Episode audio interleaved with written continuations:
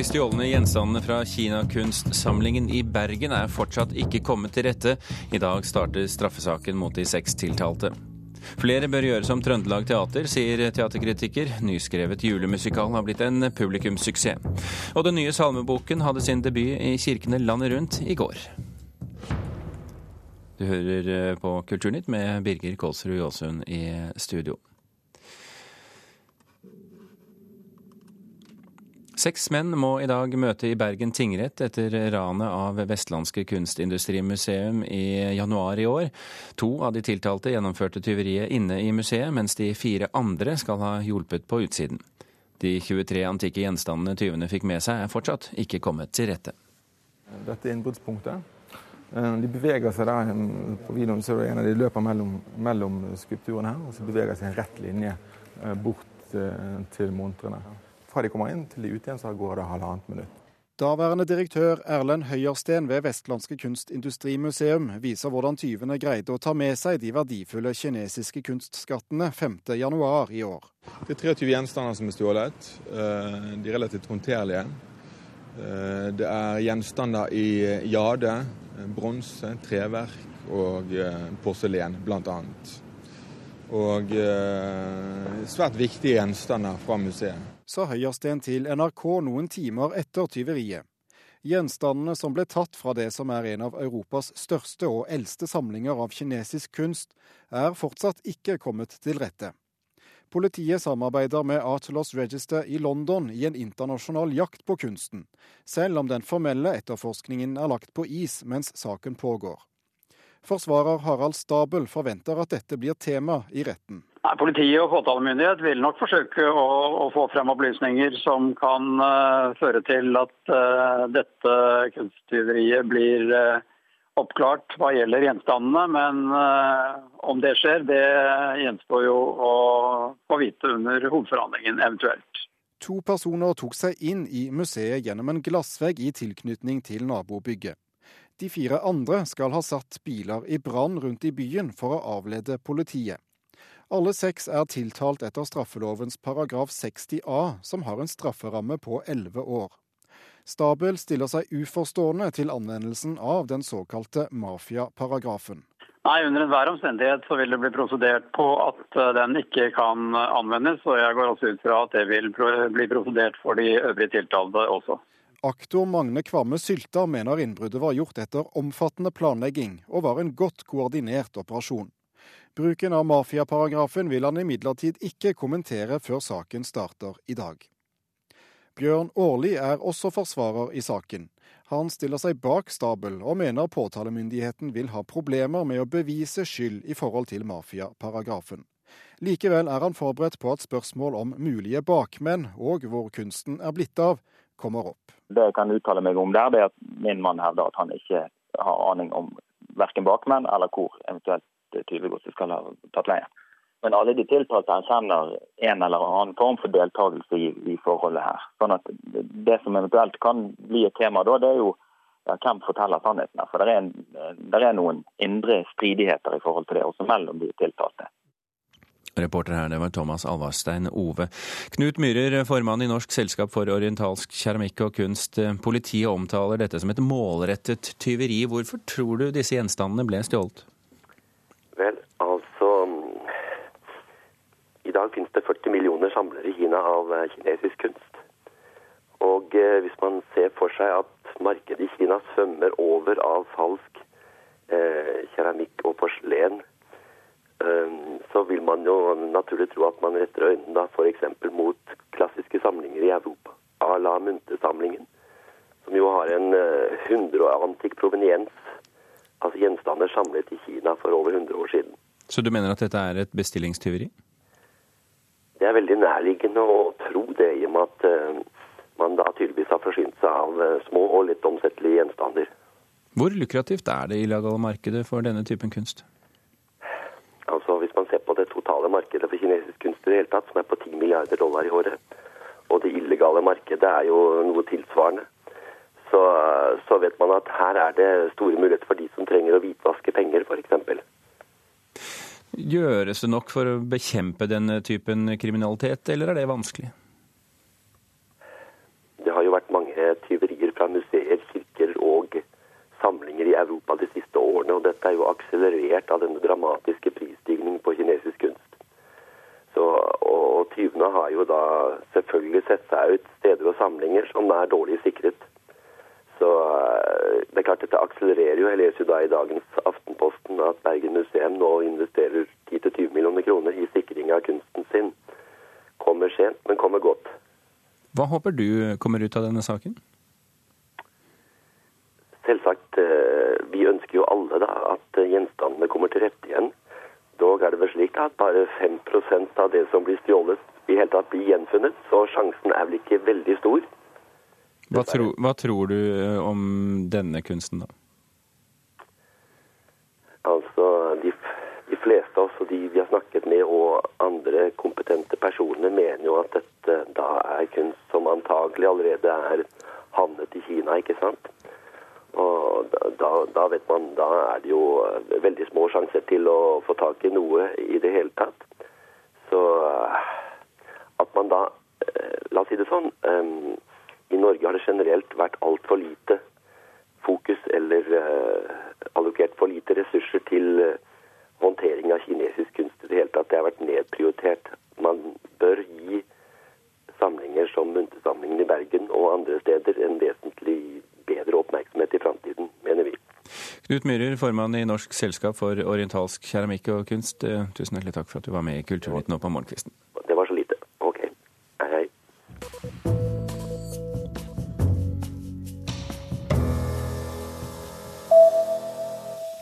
Norske biblioteker gjør suksess med en låneapp for e-bøker. Et utvalg biblioteker i Norge har siden mars i år lånt ut nærmere 32 000 e-bøker ved hjelp av låneappen eBokBib. For enkelte bøker har e-boken blitt lånt dobbelt så mange, som, mange ganger som papirutgaven.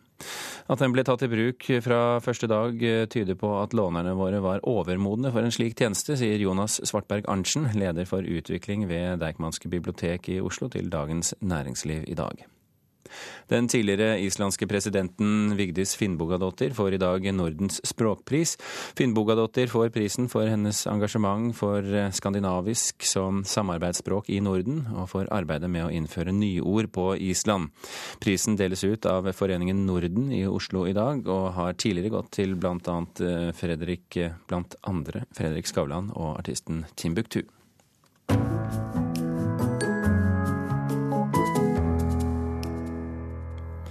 SV-leder Audun Lysbakken vil ha Nordahl Griegs levninger tilbake til Norge. I dag er det 70 år siden et bombefly med dikteren og krigskorrespondenten om bord ble skutt ned over Berlin. Ifølge dokumenter Dagbladet har fått tilgang til, er det mye som tyder på at Grieg ligger begravet på den britiske æreskirkegården i Berlin. Audun Lysbakken, hvorfor vil du hente hjem levningene etter Nordahl Grieg? Fordi det er viktig at vi ærer våre falne. og Nordahl Grieg er et helt spesielt ikon for motstandskampen. Og dessuten en, en dikter som har fått ny relevans for folk i Norge etter 22.07. Jeg mener det er viktig at vi minnes det han sto for.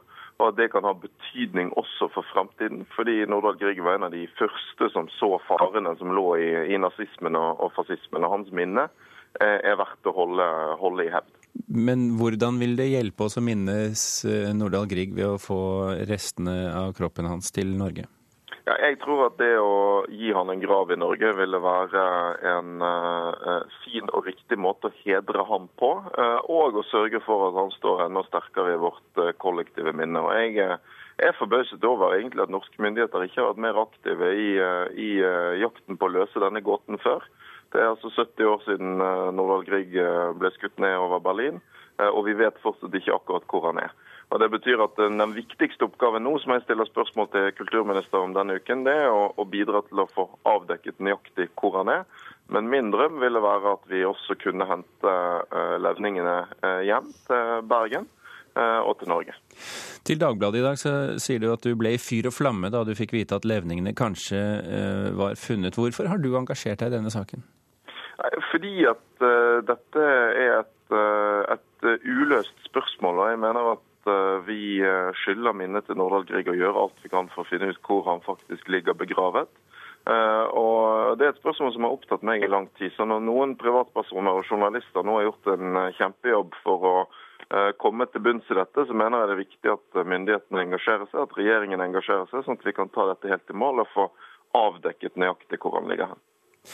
Eh, Grieg, eh, Nordahl Grieg-biograf Gudmund Skjeldal sier til Klassekampen i dag at det, å lete etter dikterens grav er en avsporing, og at Nordahl Griegs ånd finnes i litteraturen, ikke i legemet. Hva sier du til det poenget?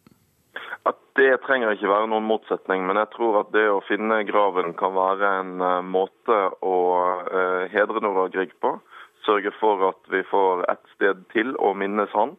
Eh, og det tror jeg vil være eh, en, eh, en, styrke, og noe som ikke står i motsetning til å minnes han gjennom aktiv bruk av det han skrev, som, som vi jo heldigvis ennå gjør i Norge. Audun Lysbakken i SV, tusen hjertelig takk for at du var med i Kulturnytt i dag.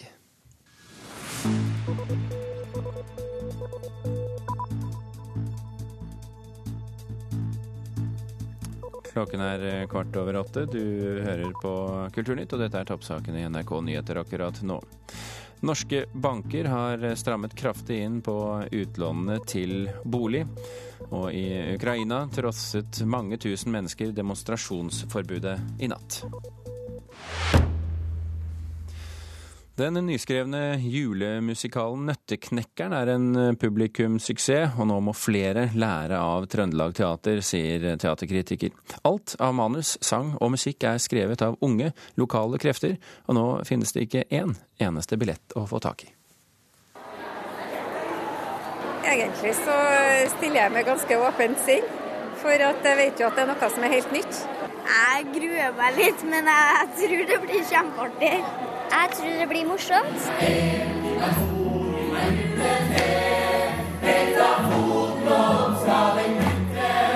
Med kjent tittel har Trøndelag Teater satt opp en helt ny julemusikal.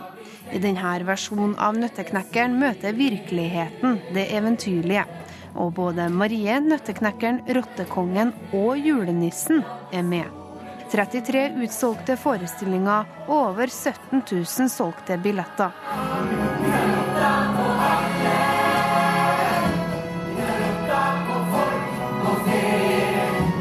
På scenen står 24 skuespillere. Kostymene er mange og sceneskiftene utallige. Alt av manus, sang og musikk er skrevet og laga på Trøndelag Teater. Teaterkritiker Amund Grimstad forstår hvorfor Nøtteknekkeren har blitt en publikumssuksess. Det er jo gledelig, det, det er det første. Men eh, det handler vel litt også om eh, hvor sultefòra norsk teaterpublikum er når det gjelder noen nyskapende saker i forbindelse med jula. At vi har, altså Det har vært 'Reisende i julestjernen' og Dickens, eh, sånn at publikum higer etter noe nytt. da. Så jeg tror det har et snev av det også. Grimstad har anmeldt teater i snart 40 år. Han mener flere bør gjøre som Trøndelag Teater. Norsk teater er blitt kritisert for at uh, teatersjefene stort sett møter hverandre på flyet til London eller eventuelt flyet til Berlin. Og så tar de med seg bestselgerne der tilbake. Problemet har jo vært at det har vært for lite av nytt og norsk. Men uh, det er uh, en generasjon av unge både skuespillere og dramaturger og folk som virker som de vil noe, som har lyst til å lage ting. Sånn at jeg ser stadig vekk at, at de lager ting sjøl og selger inn til teatrene. Dette her kan jo balle på seg, og det syns jeg vi ser mer og mer av. At, eh, at, at det er en vilje til å lage ting på egen hånd.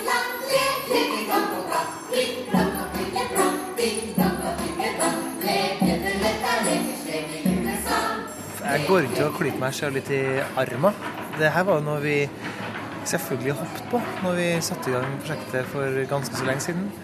Eh, og som man på ingen måte torde helt å drømme om heller. Det sier skuespiller, dramatiker og medforfatter Mats Bones. Han har sammen med Mathilde Holdhus, Olve Løseth og Kyrre Havdal skrevet 'Nøtteknekkeren'. Bones tror, i likhet med Grimstad, at publikum vil få oppleve flere nyskrevne oppsetninger på norske teater i framtida. Nå er det på tide med å skape nye musikal- og teatersuksesser som kan bli nye, moderne klassikere. Og det tror jeg det finnes mange skrivelystne, både yngre og eldre, der ute som har klart å ta på seg den oppgaven.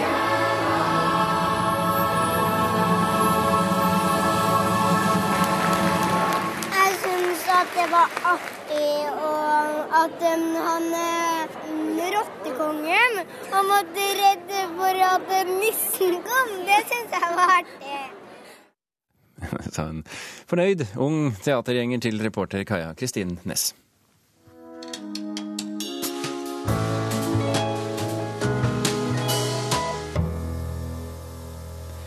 Karl Ove Knausgård, Thomas Espedal, Trude Marstein og Stig Setebakken. Listen over norske forfattere som har latt seg inspirere av østerrikske Peter Hanke, er lang.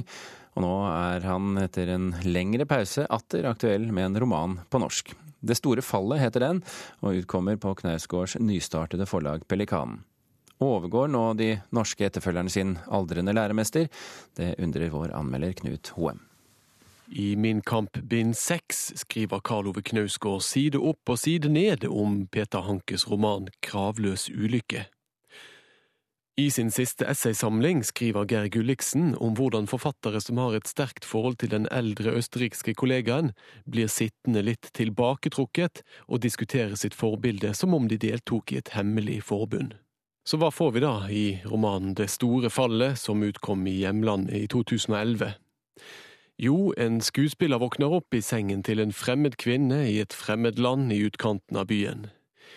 Iført en smalbremmet hatt med halefjær går han til fots inn mot sentrum, hvor han skal hedres og starte arbeidet med en ny film. Han går i et landskap som er strippet for alle referanser til tid og sted. Bare til filmer refereres det til stadighet til Jacques Tati, Chaplin og John Ford. På veien oppstår det situasjoner som Knausgård presist omtaler som ikoniske. Det vil si enkelte bilder som oppi seg samler alt, men som samtidig lever i seg selv, som Knausgård skriver. Hos Hanke ser vi det, ja, la oss kalle det ikoniske, når han skildrer møtet med en ungdomsgjeng som han ved første øyekast frykter, for så å skjønne at det egentlig handler om alle fordommene vi møter andre mennesker med ved første blikk eller når han skildrer vår mulighet til å oppleve glede. Nei, det er ikke vanskelig å gjenkjenne Hankes skrivemåte hos hans norske etterfølgere, kanskje spesielt Thomas Espedal, som også har evne til å vise oss allment menneskelige øyeblikk i bøker som knapt nok kan kalles romaner. Det vi har å gjøre med, kan kanskje heller gå under betegnelsen forfatter forsøker å finne sin plass i verden. Eller som den tyske litteraturkritikeren Ulrich Greiner uttrykker det, Hankes prosa kan bare kalles romaner hvis man med dette forstår bøker som strekker seg over 300 sider. I så fall er ikke Det store fallet en roman, og nå er han ikke heller alene om denne skrivemåten.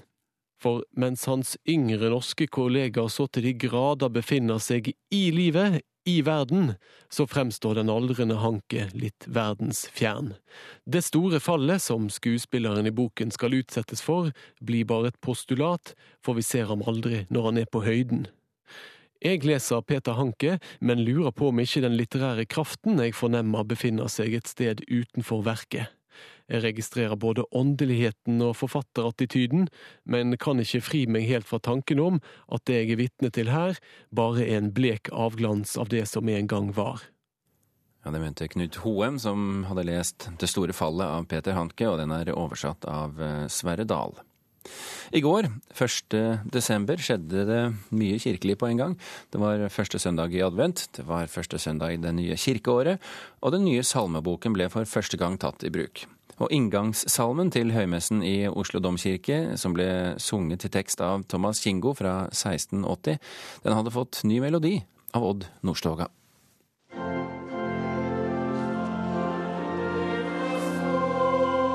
Vi hører inngangssalmen. Opp gledest alle, gledes no med fagnad, fred og heilag ro, i Herren dykkar gleda. Den gamle melodien er fra 1820. Denne nye skrev Odd Nordstoga i 2009.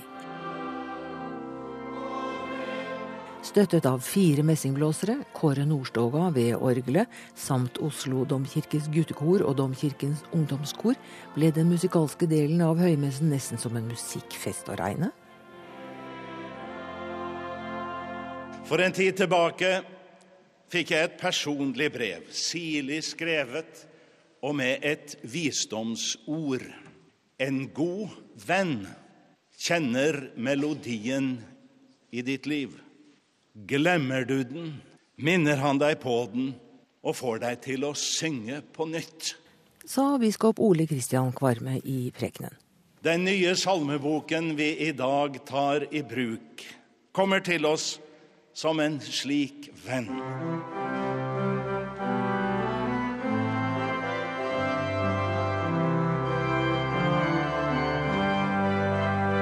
Det ble jo en del litt forvirret blading frem og tilbake i den nye, tykke salmeboka på rundt halvannen tusen sider, som favner både de tre samiske språkene, kvensk, svensk og engelsk, i tillegg til bokmål og nynorsk, i nesten 50-50-fordeling.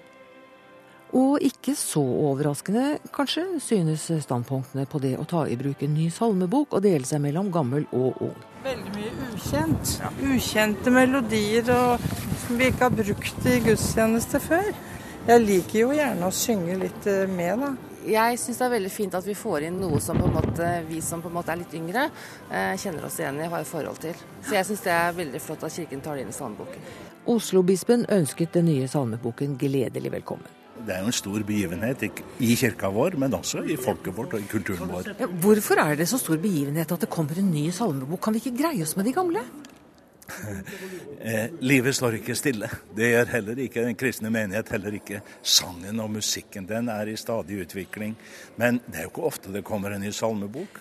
Denne nye salmeboka har en langt større sjangerbredde enn tidligere salmebøker. Her er det både gospels, spirituals, såkalt moderne lovsang, viser og afrikanske, latinamerikanske og asiatiske salmer. Forfatteren Edvard Hoem er også dagens viktigste salmedikter her i landet. Hele elleve av tekstene hans er det funnet plass til, men gjendiktningen hans av Amazing Grace, som er en av de mest kjente hymnene i den kristne verden, ble etter en del støy vraket av Kirkerådet. HM har imidlertid latt seg imponere av bredden i utvalget. Det er så mye forskjellig, slik at alle vil finne noe der som er for dem, vil jeg tro. Er du lettet over at eh, kampen om hva som skal være med og ikke skal være med, er over? Ja, du vet at uh, forfatterne har ikke så store muligheter for å blande seg inn. Det er jo komité som bestemmer dette her. Men vi hadde litt strid om denne her um, mye omsetning av Amazing Grace. Ja. Den kom da ikke med fordi at ikke jeg ville gjøre som komiteen sa. Men i andre tilfeller har jeg gjort som komiteen sa. da. Så får vi se ved neste salmbok, da. Men er det lenge siden du oversatte den? Det var i 1990, så det er jo en stund siden. Ja, men Har den ikke vært brukt før òg, da? Var masse, Den blir brukt veldig mye over hele landet, så den blir brukt selv om den ikke står i salmboka, den, da. Reporter i Oslo domkirke, det var Selvi Fosseide. Apropos adventstid. 600 barne- og skolebarn, barnehage- og skolebarn i Kristiansand har bidratt sterkt til årets adventsutstilling Tro, håp og kjærlighet på Sørlandets kunstmuseum. Blant annet har barna pakket inn hver sin gave hjemmefra, som skal gis videre til vanskeligstilte barn, som på ny kan få glede av dem.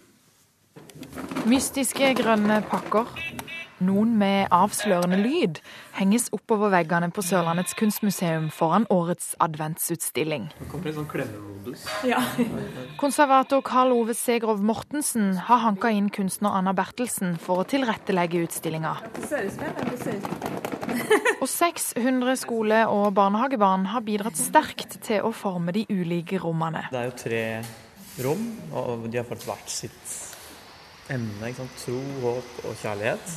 Og det som jo Anna da har gjort, er at hun har utvikla et konsept hvor hun liksom bygger opp om de ulike begrepene med farger og stemninger. Og, og hun har også gjort tilrettelagt noen oppgaver da for barnehager og skoler. På tredje trinn ved Karl Johans minneskole i Kristiansand gjøres noen av de siste grønne pakkene klare for utstillinga. Hadde dere andre blitt glad for denne gaven, eller? Ja. Daniel har pakka inn et lite lekemarsvin. Fordi jeg har et marsvin hjemme, så er det et ekte, da. Og da er jeg litt glad i marsvin. Han syns det er fint at de rundt 600 gavene på museet skal gis videre til barn som trenger det. Fordi da får de òg glede av det, og så kan de òg få gaver. Det at man egentlig gir noe videre, det gjør jo på en måte at eh, det blir et positivt kretsløp. Håp for meg er det lysegrønne. Eh, og også i forhold til miljøtankegangen så er det jo, symboliseres det jo med grønt. Så det er egentlig en sånn en, ja, litt eh, kommentar til kanskje at vi kan tenke litt efter hvordan, eh, hva fokuset skal være under julen. Jeg ønsker at alle får en fin jul. I tillegg til å pakke inn gaver, har ungene bl.a. skrevet ned ønskene sine for jula, som skal henges på et juletre utover adventstida. Rask hjelp på Filippinene, er det noen som ønsker seg? De har, det er jo veldig eh, store ønsker, er, men gode ønsker, vil jeg påstå. Altså, det er lite, det er lite PlayStationer og, og, sånne ting ute og går på de lappene. Altså. Ja, det tror jeg egentlig der er en del av. Vi har ikke gått gjennom alle. det er en god miks. Litt PlayStation og litt fred i verden. Det, det holder, hører sammen. Ja. Reporter her, det var Mari McDonald.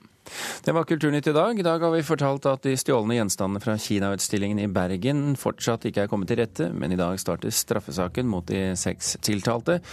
Og du hørte at SV-leder Audun Lysbakken vil ha Nordahl Griegs levninger tilbake i Norge. I dag er det 70 år siden bombeflyet med dikteren om bord falt ned over Berlin. Halvor Haugen, Hans Ole Hummelvold og Birger Kolsrud Aasund takker for følget.